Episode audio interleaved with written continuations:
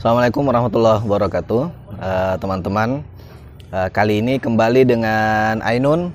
Sebelumnya sudah ada satu video sebetulnya sama Ainun, tapi waktu itu lewat Zoom. Hmm, Saya di Jakarta, Ainun di Makassar. besar.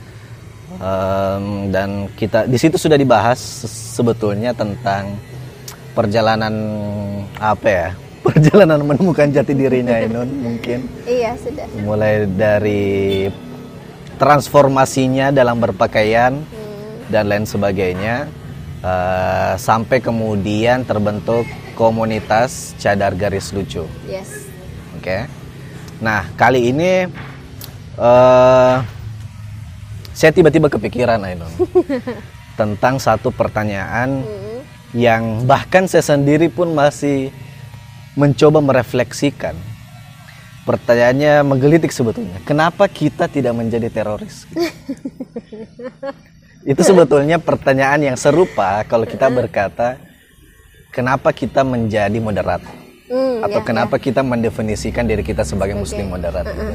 Ya. dengan melihat eh, mungkin persimpangan-persimpangan Mm-mm.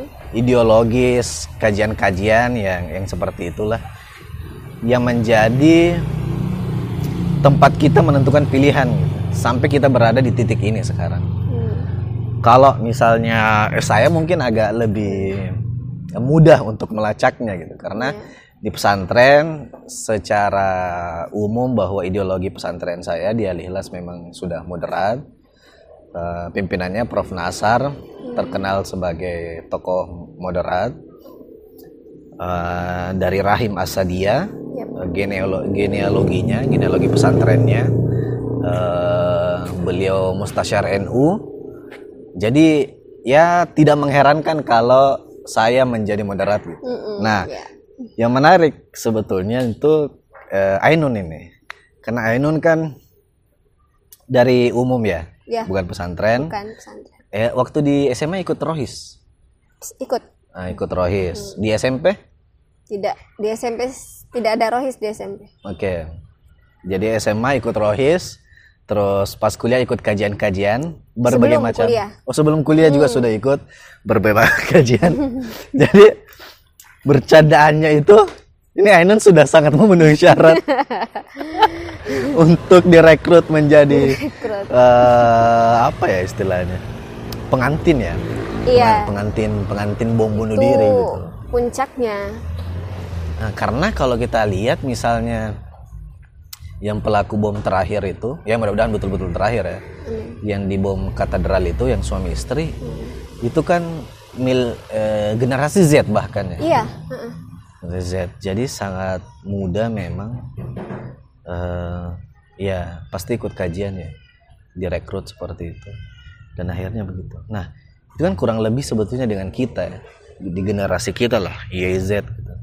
Nah, pertanyaannya sekali lagi, kenapa kita tidak, menjadi, menjadi teroris? teroris, Padahal ya. kita mendapatkan paparan yang sama mungkin Yes. dalam arti eh, memiliki minat untuk mempelajari Islam, Hmm. memiliki darah muda yang sama, semangat beragama yang sama. Kenapa mereka Dan bisa di menjadi kelompok teroris? kajian yang hampir sama. Nah, seperti itu. Nah, ini kita mau dengar ini. Eh, kalau Ainun kembali melihat ke belakang, kira-kira apa yang menyebabkan Ainun gitu eh, tidak mengikuti mereka gitu? Nah, gimana kira-kira itu Ainun? Kalau Ainun coba mm, memflashback gitu ke belakang, apakah Ainun pernah berada di kelompok kajian seperti itu? Pernah. Tapi eh, mungkin kalau di- dihitung misal kan eh, apa menjadi pengantin bom itu puncaknya. Oke, Jadi saya misal di sini kalau kita sudah memutuskan jadi pengantin bom, saya mi- mungkin di tiga tingkat di bawah apa dua tingkat di bawahnya. Oke, itu berarti kurang lebih tengah-tengah ya sebetulnya dari yang Bisa. betul-betul Bisa. pengajian awal Yap. sekali Mm-mm. sampai menjadi pelaku. Iya. Jadi eh, sedikit yang saya tangkap dari apa yang pernah saya lalui berapa tahun yang lalu ya? Tujuh delapan Ya, tahun tujuh, yang delapan lalu mungkin. sebelum sekarang Hmm. itu polanya ya seperti yang beberapa kali saya sudah bilang mereka memanfaatkan rasa haus kita terhadap ilmu agama Oke. Apalagi saya lahir besar tinggal di kota Makassar Oke. Hmm. merasakan betul bagaimana gejolak kaula muda pergaulan nongkrong dari mall ke mall Oke. dengan berbagai apa ya istilahnya pergumulan dengan teman-teman yang mulai dari pakaiannya bagaimana sampai yang ada beberapa teman saya yang eh, ya terjerumus lah ke pergaulan-pergaulan yang saya pikir orang-orang mengatakan seks bebas apa dan segala macam itu itu saya saya hidupi sebelum akhirnya memutuskan untuk saya ini mau ke mana gitu itu kan pertanyaan Oh awalnya berarti eh, lingkungan pergaulannya Ainun Heeh. itu betul-betul terbuka ya. sangat sangat mulai dari Itu SMA. SMP SMA ya SMA itu jadi puncaknya mungkin saya di tahap yang kenakalan remaja yang paling tinggi bagi saya menurut Iya. saya Oke. Oke. Oke. Berarti yang awalnya itu. bebas Mm-mm. sama dengan teman-teman yang lainnya. Sampai eh apakah Ainun mengkategorikan dirinya Mm-mm. awalnya memang sudah punya basic agama, ya kemudian memper eh, maksudnya masuk ke kelompok pengajian, itu prosesnya bagaimana? Apakah diajak Eh, jadi atau seperti kalau apa? Turun lagi ke bawah kan sejak kecil saya eh, tinggal di lingkungan yang bisa dibilang sangat islami Oke. Eh, jadi sudah ada sejak kecil di keluarga itu sudah ditanamkan nilai-nilai agama lah Betul. istilahnya dasar-dasar bisa ngaji bisa Hmm. sholat Iya. bacaan sholat hafal semua segala macam doa-doa semuanya Heeh. tapi bahwa sangat fundamentalis juga tidak Ya. gitu Ya awam lah. awam Ya. iya jadi habis itu Hmm. masuk SMP di SMP nah mulailah ada pergaulan saya di keluarga saya saya dibe- diberikan kebebasan Oke. untuk silahkan kau berteman dengan siapa saja Ya. yang penting bisa jaga diri itu Oke. SMP naik SMA SMA itu jadi puncaknya di mana saya sudah bisa dibilang hampir-hampir mencoba semua model eh, apa teman-teman yang bergaulnya ada yang ke mana dan tapi saya di situ posisinya hanya menonton bukan pelaku Mulai dari yang paling rajin sampai yang tidak sholat. iya Oke. saya hanya menonton teman-teman yang ya seperti yang saya bilang tadi eh, terjerumus pergaulan bebas segala macam SMA ya. SMA itu Oke. Tapi syukurnya ya mungkin karena ada penanaman nilai Dari agama awal. sejak kecil. Betul. Itu yang membuat saya Hmm. saya tidak mengatakan bahwa saya juga sangat religius tidak, tetapi ada satu hal yang sangat saya jaga yaitu hukum sebab akibat itu. Jadi dari kecil saya sudah punya pikiran ketika kau melakukan A maka hasilnya adalah B. Konsekuensi. Iya. Hmm. Ya. Dan itu yang menjaga saya untuk tidak secara langsung terjerumus. Saya hanya menonton teman-teman saya yang eh, pergi menginap di rumah pacarnya misalnya. Oh ya. Iya, dengar cerita, oh saya sudah begini begini begini. Saya iya iyakan saja, tapi untuk kemudian mau mencoba itu tidak. Ya. Tapi cerita dari sini, cerita dari situ, pengalaman orang-orang yang kemudian membuat saya jadi kaya dengan oh pergaulan Ternyata di, ada di yang Makassar seperti itu seperti itu gitu. Oke. Nah, Terus. eh, setelah lulus SMA, Hmm. ada satu masa di mana saya betul-betul melakukan satu perbuatan yang paling bagi saya menurut saya itu Paling jauh. paling saya akan malu sekali pada saat itu. Jadi hal yang tidak pernah saya lakukan itu saya lakukan di eh, 2000 berapa ya 2014 2000. Setelah tamat SMA. Iya. Masih masih awal, masih iya di kelas 3 SMA, belum tamat. Iya. Nah, setelah tamat SMA entah perjalanan spiritual ya. Hmm. Itu di situ mulai ada pertanyaan-pertanyaan dari dalam diri sendiri. Ya, tapi bukannya di SMA sudah ikut rohis? Ikut. Mm-mm, ikut. Oke. Di waktu di rohis itu belum dapat belum, dapat, Kita hanya doktrin-doktrin belum ini. sama sekali belum. Hmm, Berarti si rohisnya cuman ini ibadah. Eh, berkumpul, bikin kegiatan, Hmm, Oke. mirip-mirip osis. Tidak ada Tidak kajian, ada kajian yang, spesifik. Tidak ada. Oke. Hanya bahwa anda semua Muslim di situ itu saja. Karena kan SMK ya negeri. Iya. Ada yang Kristen juga. Ya, oh oke. Karena kan beberapa yang yang ditelusuri, misalnya teman-teman yang eh, aktivis HTI, mereka kan ada di antara mereka yang Memang dari rohis. ya Iya. guru HTI-nya itulah yang mengajar dia waktu di rohisnya. Ketika selesai SMA, ketemulah dan dikader ketika Iya. kuliah. Kan ada yang seperti itu. Oh, itu iya. enggak. Nah, pola itu tidak saya dapat di Oke. Rohis. Belum mungkin ya. Tidak tahu di SMK saya sekarang seperti apa. Saya tidak tahu lagi bagaimana. Cuman Oke. dulu waktu saya di sana, saya di bergabung di Rohis, tidak ada kajian Oke. spesifik seperti itu. Kita biasa-biasa hanya dikumpulkan sebagai ya identitas siswa Sebagai muslim. Kegiatannya bikin paling kegiatan. sholat berjamaah. Nah, sholat berjamaah, ngaji, terus Oke. kalau bulan puasa bikin buka puasa bersama, Pesantren itu. kilat. Iya, pesantren. Hmm. kilat segala macam. Nah, eh, setelah lulus, nah itulah saya sampai di puncak kenakalan remaja yang bagi saya itu paling fatal yang saya Oke. lakukan. Oke. Dan itu membuat saya akhirnya merenung cukup lama Itu sebelum masuk kuliah? sebelum masuk kuliah, jauh sebelum masuk kuliah. Oke. Satu tahun sebelum saya masuk kuliah. Hmm, Kan ada fase saya nganggur di situ. Satu tahun. Iya. Oh, itu itu ngapain? Nah, di situ Maksudnya tidak disuruh sama orang tua daftar apa? Eh, saya dulu saya tipe orang yang ambisius. Kalau saya mau A harus A. Saya mau masuk Unhas, tapi saya harus masuk di Unhas. Oh, Oke. Saya nekat tunggu tahun depan demi Oke. masuk Unhas. Oke oke ya ya ya. Ya. Ngotot agak ngotot. Jadi ya sudah, orang tua hanya memberikan ya sudah eh, sambil mengisi waktu kok kursus-kursus. Tuh. Kursus Dikursuskan bahasa. bahasa Inggris, dikursuskan komputer segala macam Oke supaya tidak terlalu kosong waktunya. oke. Nah, eh, waktu kosong yang kan kursusnya kan cuma berapa kali seminggu. Waktu kosong itu akhirnya saya gunakan untuk apa ya?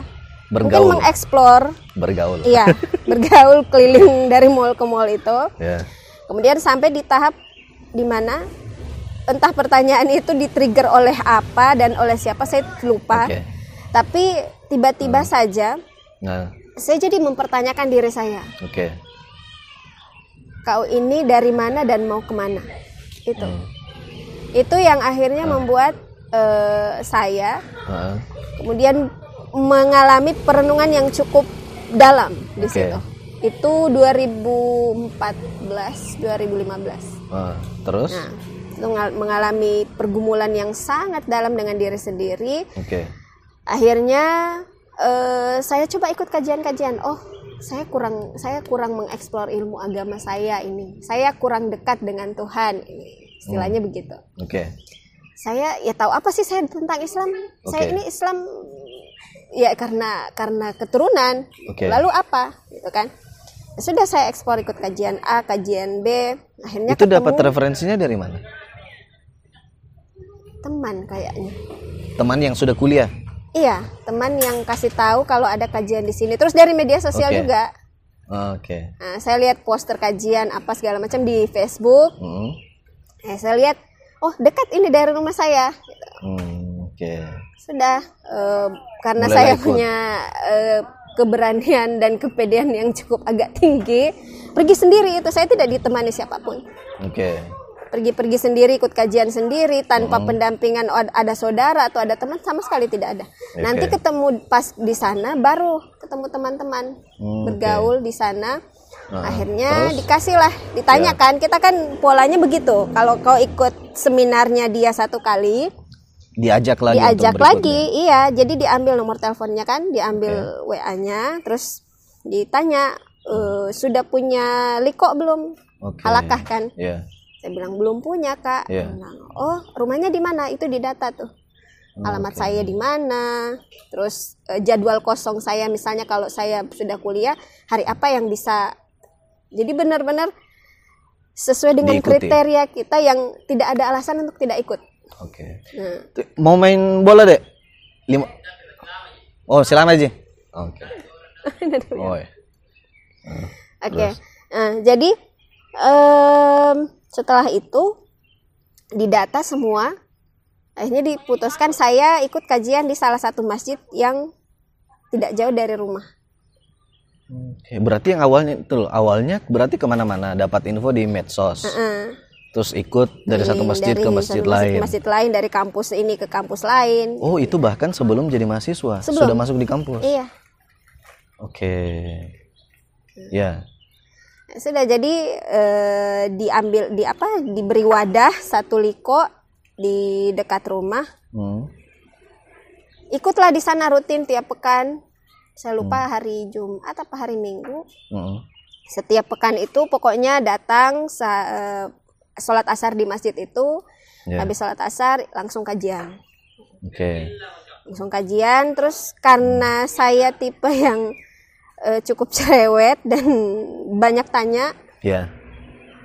sudah saya jadi Itu salah itu mulai satu. banyak tanyanya setelah beberapa kali ikut pengajian Bahkan atau jauh bahkan pertemuan pertama. Bahkan di pertemuan pertama. Oke. Pertanyaan saya dua lembar.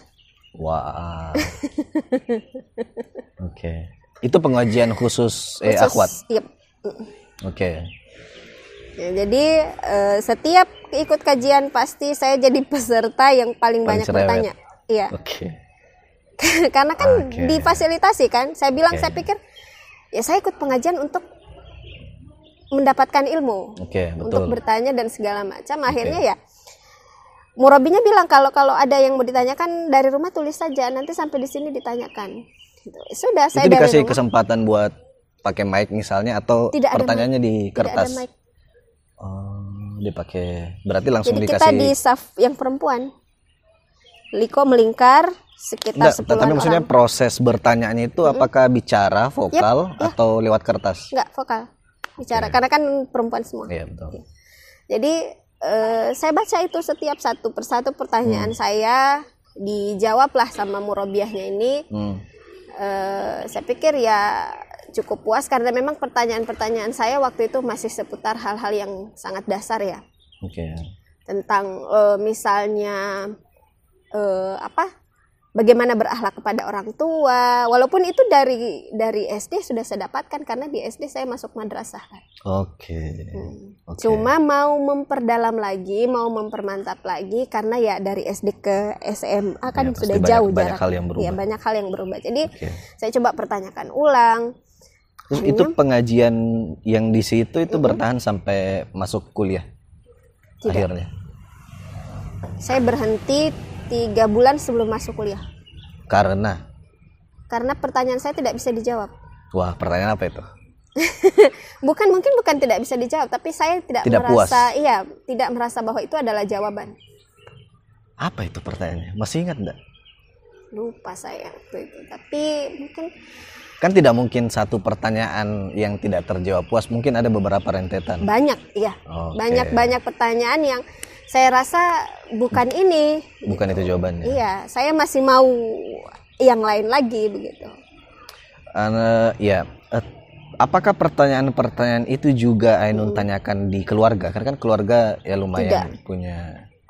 Di keluarga eh, model keluarga saya cukup otoritatif Oh, bapak oke. yang menjadi vokal di sana jadi kita tidak ada otoriter ya. tidak ada waktu untuk diskusi tidak ada yang bisa bertanya di sana semuanya keputusan dari bapak Oke. Oke, jadi tiga saya bulan. manfaatkan betul ini waktu likonya untuk Tapi orang tua tahu bahwa Ainun mengikuti kajian itu tiap minggu satu kali. Ber- Satu tempat itu toh. di satu tempat itu satu kali seminggu tapi saya kan pindah-pindah Oh banyak. iya tapi masih dia lagi masih kelompoknya dia lagi Oh bisa begitu. iya jadi kan dia ada kajian tematik Iya. Hmm. Oh, Misal dia yang mengomentari soal pacaran. Oke. Nah, itu saya ikut. Ya, oh yang oh tematik betul. Ada yang wajibnya itu sepe- sekali sepekan, yang Oke. tematik itu bisa hampir tiap hari kalau mau Ya, ikut. Ya. Ada yang masjid, ada yang di masjid yang lain. Ada yang di masjid lain, Oke. ada yang di rumah, Oke. ada yang di kampus, Oke. Gitu-gitu. Oke.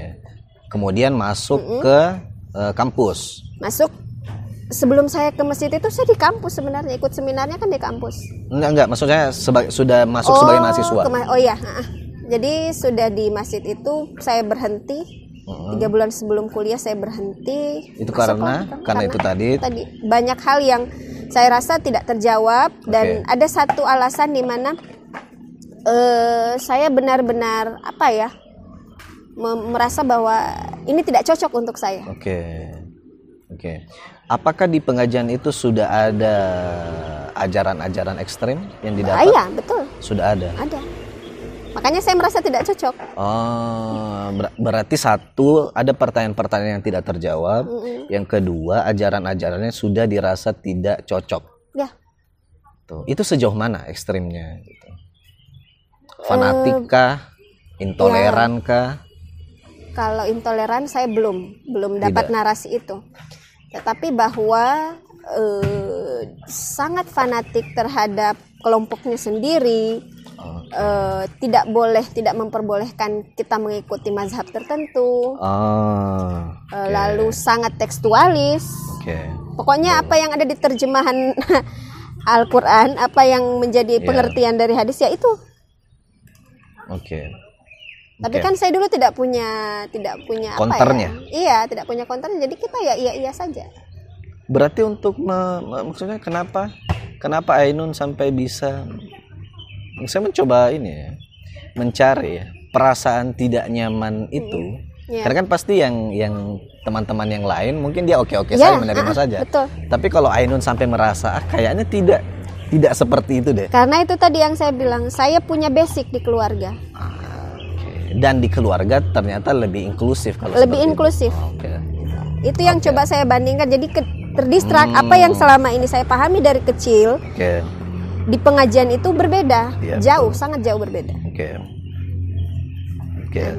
di situ yang akhirnya membuat kayaknya saya tidak cocok di sini Oke, akhirnya masuk di kampus masuk kampus itu semua sudah selesai berarti. selesai sudah. Sejak jadi mahasiswa tidak pernah lagi ikut kajian yang seperti itu. Bukannya di kampus lebih banyak Lebih lagi banyak? iya tapi tidak tapi tidak tertarik justru tidak tertarik karena sudah karena sudah selesai ya. iya bagi saya sudah Ah, selesai oke. tapi kalau mereka kan punya tahap-tahap itu Mm, betul betul. Ini kan bertak berjenjang dia kan. berjenjang Bahkan nanti bisa jadi fasilitatornya. Yes, bisa jadi murabiah. Saya sudah, saya kan sudah mengambil mengambil satu langkah posisi dari teman-teman saya. Saya sudah jadi ketua liko waktu itu. Oh, wah. Oke. Karena dianggap aktif, Ya, betul.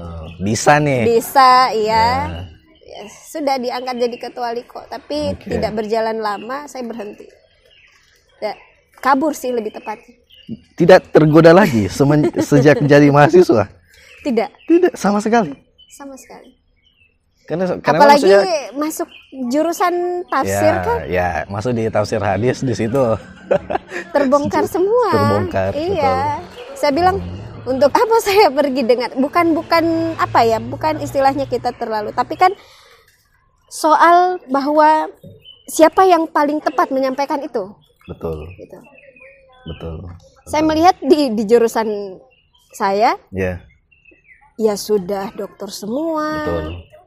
Saya yang saya anggap ya jauh lebih otoritatif untuk Daripada yang menyampaikan iya. itu. Untuk apa saya ikut Betul. Itu lagi kalau di kampus, di kelas-kelas mata kuliah saya, saya sudah bisa menanyakan semua yang saya tanyakan dan saya merasa lebih puas. Nah, itu berarti terjawab. Berarti kepuasan yang dicari Mhm, itu sudah didapatkan di kampus. Kampus. Oke. Yang bisa yang bisa saya simpulkan ya, nan- nanti eh, di penghujung eh, Ainun bisa tambahkan. Yang saya dapat satu, bahwa basic di keluarga itu penting. Sangat. Yang kedua, Ainun punya curiosity, Yep. da daya kritisisme yang tidak ditahan. Eh, yang ketiga, eh, menemukan wadah yang sudah menjawab rasa tidak puas tadi itu.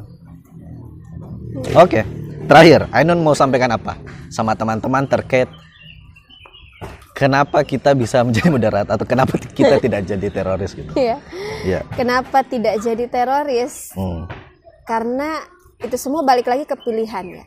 Mm-mm. Dan memang tidak bisa dipungkiri basic kita di keluarga bagaimana. Betul.